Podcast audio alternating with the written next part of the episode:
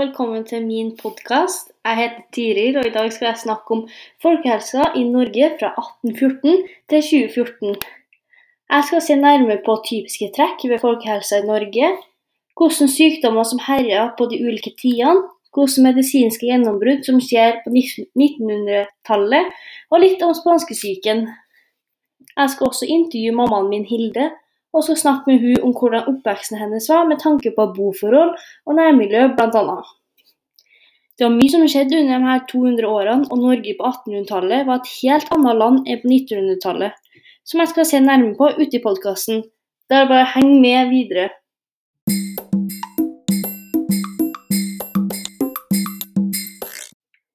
Ok, Folkehelsa fra 1814 til 1914 var egentlig veldig dårlig.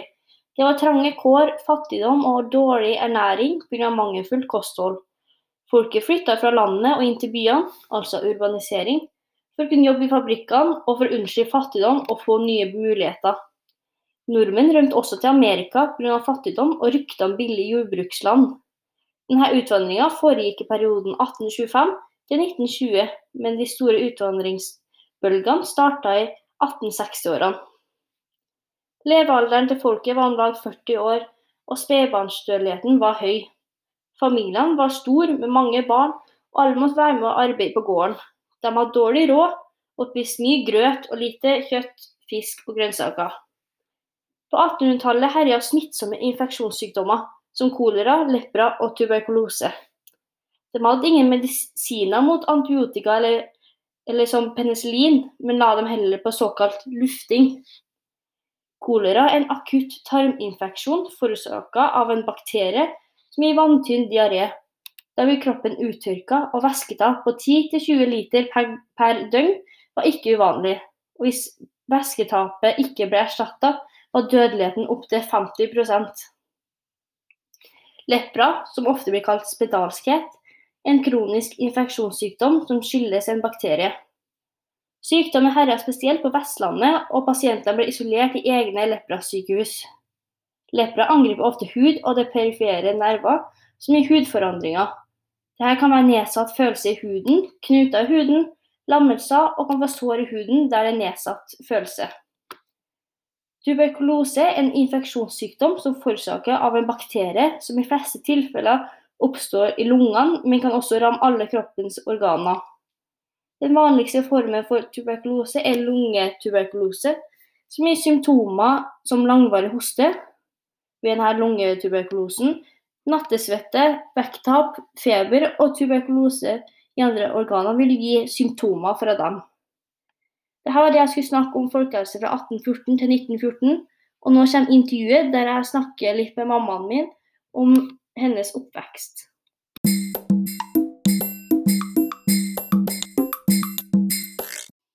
Nå skal jeg ha et intervju med min mamma, Hilde. Kan du starte med å si hvor gammel du er når du er født? Eh, jeg er 45 år, og jeg er født i 1975. Så det meste av barne- og ungdomstida di var på 80- og 90-tallet? Ja. Kan du da forklare litt om hvordan boforholdet ditt var på denne tida? Ja, jeg bodde sammen med mammaen min og pappaen min, og så hadde jeg storesøster. Og så hadde vi et eh, ganske Mora og faren min bygde hus som var klart når jeg ble født. Så um, det var ganske mange barnefamilier eller sånn jeg hadde, altså, hadde mye venner og sånn i gata. Og, og hadde ganske Hadde uh, mormor og morfaren min i nærheten, så Så nærmiljøet ditt besto av mange barn som du var med og sånn, da? Ja. Så nesten i alle de husene i gata vår var det unger som var i samme alder, eller ja, sånn rundt det. Så vi var, det var en sånn flokk med unger som var sammen. Og de som vokser opp nå, har jo mobiler og internett. Hvordan var det å vokse opp uten? Vi visste jo egentlig ikke om noe annet. sånn at vi, For oss var det jo naturlig. Og så hadde vi jo Det var jo en frihet da, til å gjøre hva vi ville. Vi fikk jo ei tid som vi på en måte måtte komme hjem, eller så og så lenge fikk vi lov å være ute, da, så holdt vi nå den tida. Og ja, hadde ganske fritt og greit uten mobiler, tror jeg. Hvordan var det på skolen, da? Skolen var Den var jo inn, ganske i nærheten. Vi gikk jo til skolen. eh, Alle ungene i gata gikk jo som regel sammen, og så var vi var vi Og så hadde jeg jo alle sånn i klassen og sånne ting ikke bodde jo i nærheten, eller i gatene ved siden av oss, skulle å si, eller i nærheten av oss. Sånn at vi gikk jo sammen til skolen og var sammen på fritida, og, og skolen var jo barneskole og ungdomsskole ja, som var nær hverandre. Og Så skolen var bygd opp på samme måte som det er i dag, med liksom videregående og ungdomsskole Ja. og sånn? Eller vi begynte jo på skolen da vi var sju, da. Og så gikk vi på Det vil si at vi var jo ett år gamlere enn det dere er nå. Og så gikk vi til niende, på en måte. Så um, um, Første til sjette klassen jeg var på barneskolen. Sjuende, åttende og niende var på ungdomsskolen. Og så begynte vi jo videre, da. På videregående for dem som gjorde det. Tenkte dere mye på fremtida og sånn? Hvilke karrieredrømmer hadde du når du var liten? Ja Vi tenkte jo litt på framtida, men jeg føler ikke at vi tenkte så mye på framtida som de gjør i dag. Eh, Jeg tror at eh, vi levde litt mer i nuet på den tida. Eh, Det var litt mer sånn her og nå, da. Ehm, Så karrieredrømmer Nei, jeg tror ikke Det var egentlig ikke så mye sånt. Var, altså, vi skulle bli Jeg tror alle sammen skulle bli liksom enten politi eller brannmann eller eh, flyvertinne eller eh, ja, kanskje sykepleier, men eh, ja. Ellers så Det var Det var liksom mest leik og være sammen og venner og det var ikke så mye sånn Jeg tror ikke jeg tenkte så mye på karriere og sånn. Jeg vet ikke om jeg helt visste hva karriere var, eller jeg. Det var liksom ikke en stor del av hverdagen, liksom. Nei. Det var ikke noe sånn Vi hadde ikke noe jag etter noen karakterer eller altså Jo da, vi skulle gjøre det bra på skolen og sånne ting, men det var liksom Det var ikke det viktigste. Det var viktigste var egentlig bare å være sammen og ha det artig og Ja. Her og nå, på en måte. Og du valgte å jobbe som Jeg valgte å jobbe som øh, øh, jeg, jeg begynte jo å jobbe i, som vikar i barnehage. Mens jeg gikk på skole, eller mens jeg noe, gikk på universitet og sånne ting. Og så tok jeg og fant jeg ut at det var kanskje tingen for meg. Og så begynte jeg på førskolelærerutdanninga etter hvert. Eh, og da Ja, så nå da utdanner jeg meg som førskolelærer, eller barnehagelærer som det heter i dag. Da. Hvordan endte du opp i den jobben når du ikke har tenkt så mye på jobber og sånn før? Når du bare visste om sånn flyvertinne og politi og sånn? Ja, jeg, jeg, jeg, det var jo sikkert kanskje litt sånn tilfeldig da, at jeg havna i barnehagen. Og så tror jeg jo kanskje at du etter hvert som du blir større og fra ungdomstid til voksen, at du eh, har noen kvaliteter i deg som, eh, som sier noe om hvem du er. Sånn at eh, jeg tror nok at eh, jeg hadde de kvalitetene som kanskje var riktig for å jobbe med folk, da, mennesker eller unger. da. Altså da ble det nå unger og barnehage. Ja. Og hvordan var på en måte helsa til folk på den tida? Hvordan var det noen sykdommer som var på en måte typisk for barn og unge? Um, helsa Altså Det som var før, da, at alle røyka jo før i tida. Sånn at uh, det var jo vanlig. Uh, sånn at eh, både ungdom og voksne røyka. Det var liksom det. Det var også en del eh, alkohol, var det vel. Um, sånn uh, Som jeg tenker at det er litt annerledes da enn i dag, da.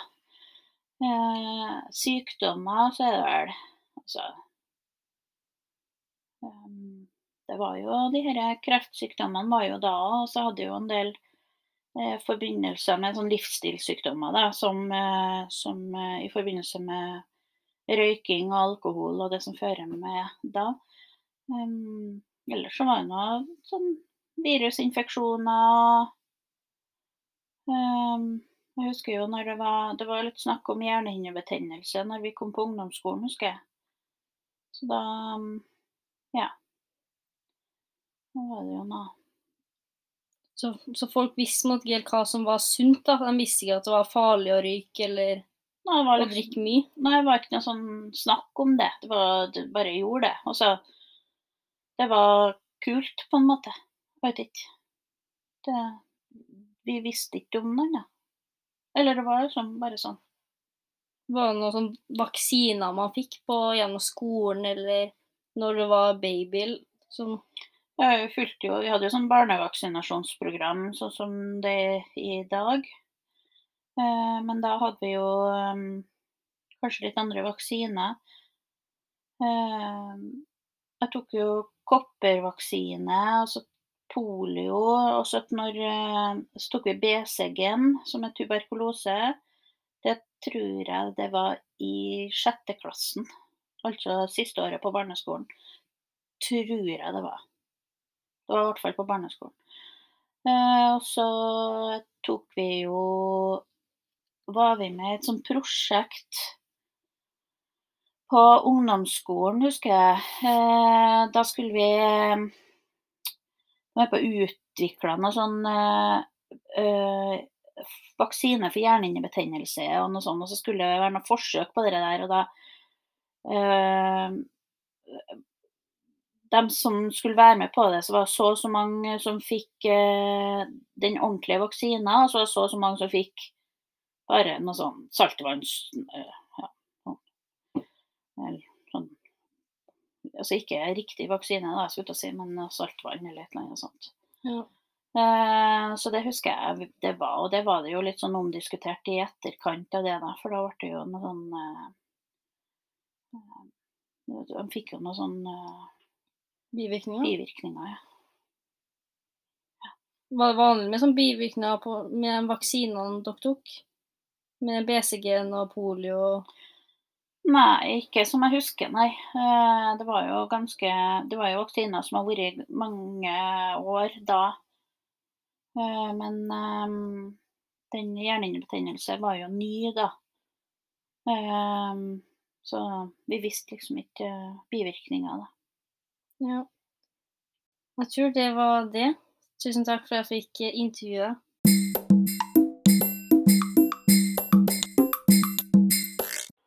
Så var det folkehelsa fra 1914 til 2014. I løpet av 1900-tallet bedret levekårene seg langsomt, og mens fattigdommen minka, økte hygiene- og ernæringssituasjonen i landet. Selv om vi fikk en liten knekk under andre verdenskrig i 1940 til 1945, var Norge i en jevn vekst oppover mot et rikt og velstående land. Etter krigen var slutt i 1945, etablerte Norge en velferdsstat med mange velferdsgoder til folket, som gratis helsevesen, gratis utdanning og folketrygd. I 1969 fant Norge olje i Nordsjøen, som gjorde at vi fikk store oljeinntekter og en oljeindustri vokste frem. For å sikre her oljeinntektene opprettet Norge et oljefond, som er på nå ca. 11 000 milliarder kroner. Dette var grunnlaget for det velstående landet vi lever i i dag. I 1928 ble det oppdaget et medisinsk funn som skulle forandre folkehelsa drastisk. Alexander Fleming oppdaga penicillin, eller antibiotika, men som først kom til Norge i 1945. Dette gjorde at vi lettere kunne kurere infeksjonssykdommer. Utover 1900-tallet kom det en rekke med vaksiner, bl.a. barnevaksinasjonsprogrammet, som utrydda nesten alle de mest frykta barnesykdommene. Det var vaksiner mot sykdommer som difteri, polio, meslinger, kikhoste og røde hunder. Sykdommene som preger det nærmeste år 2000, var ikke smittsomme sykdommer som hjerte-karsykdommer, kreft, kols og diabetes. Dette var fordi etter andre verdenskrig økte forbruket av tobakk, så flere røyka enn før. Diabetes type 2 blir mer vanlig da dårlig kosthold, lite mosjon og røyking ga økt risiko for denne typen. Pga. den gode økonomien har personer bedre råd til å kjøpe søte drikker som brus og ferdigmat som de færreste hadde råd til før 1950. Kontorjobb, bil og de fleste slapp å jobbe hardt på en gård hver dag, gjør at den fysiske aktiviteten går ned. Elektronikk og internett er en viktig del av alle sin hverdag, som kan gi utfordringer med tanke på søvn, stillesitting og mobbing på nett. Nedsatt funksjonsevne og kroniske sykdommer som kreft, dement og smertelidelser øker sterkt med alderen, spesielt siden levealderen har økt drastisk i landet. Istedenfor at personer med, disse, sykdommene døde tidlig, blir disse kroniske sykdommene en ting folk lever med. Og så har jeg litt om spanskesyken. Spanskesyken var et influensavirus som i perioden 1918 til 1920 rammet store deler av verden, og kalles en pandemi. Mellom 50 til 100 millioner mennesker døde. Omkring 15 000 døde i Norge. Dødeligheten var høyest blant barn og unge og voksne, siden de eldre hadde antagelig blitt utsatt for et lignende virus tidligere og hadde litt immunitet fra før. Dødeligheten var så høy kan skyldes mangel på legemidler, og siden spanskesyken kom etter første verdenskrig, var befolkningen mer sårbar og eksponert for smitte. Mange land slet også med lite mat og tilgjengelighet på sivil helsehjelp, da mange av legene og sykepleiere var stasjonert ved fronten. Spanskesyken hadde noen etter ettersykdommer som gjorde at sykdommen spesielt alvorlig og det var de her ektesykdommene som tok flest liv. Personer som var syke, hadde fått den allmenntilstanden sin svekka, som gjorde at de var mer utsatt for andre sykdommer, som difteri. På denne tida, rundt 1918, hadde man lite effektive midler mot spanskesyken eller ettersykdommene, som velfungerende sykehus. Derfor forsøkte myndighetene å begrense smittespredninga gjennom skolenedstenging og ved å oppfordre folk til å ikke oppsøke store folkesamlinger. Litt som den norske regjeringa har bedt oss om å gjøre nå under koronapandemien. De gjorde litt rare ting for å ikke bli syk også, som å inhalere røyk fra tjære eller drikke alkohol. Konsekvensene av denne influensaen var enorm. 5000 ekteskap ble oppløst i Norge pga. død. Mange barn ble foreldreløse, og mange slet økonomisk. Det var også en økning i selvmordsrata, innleggelse ved asylsykehus og andelen på fattighus. Dette hadde jeg tenkt å snakke om folkehelsa 1814 til 2014, og nå kommer det en liten oppsummering.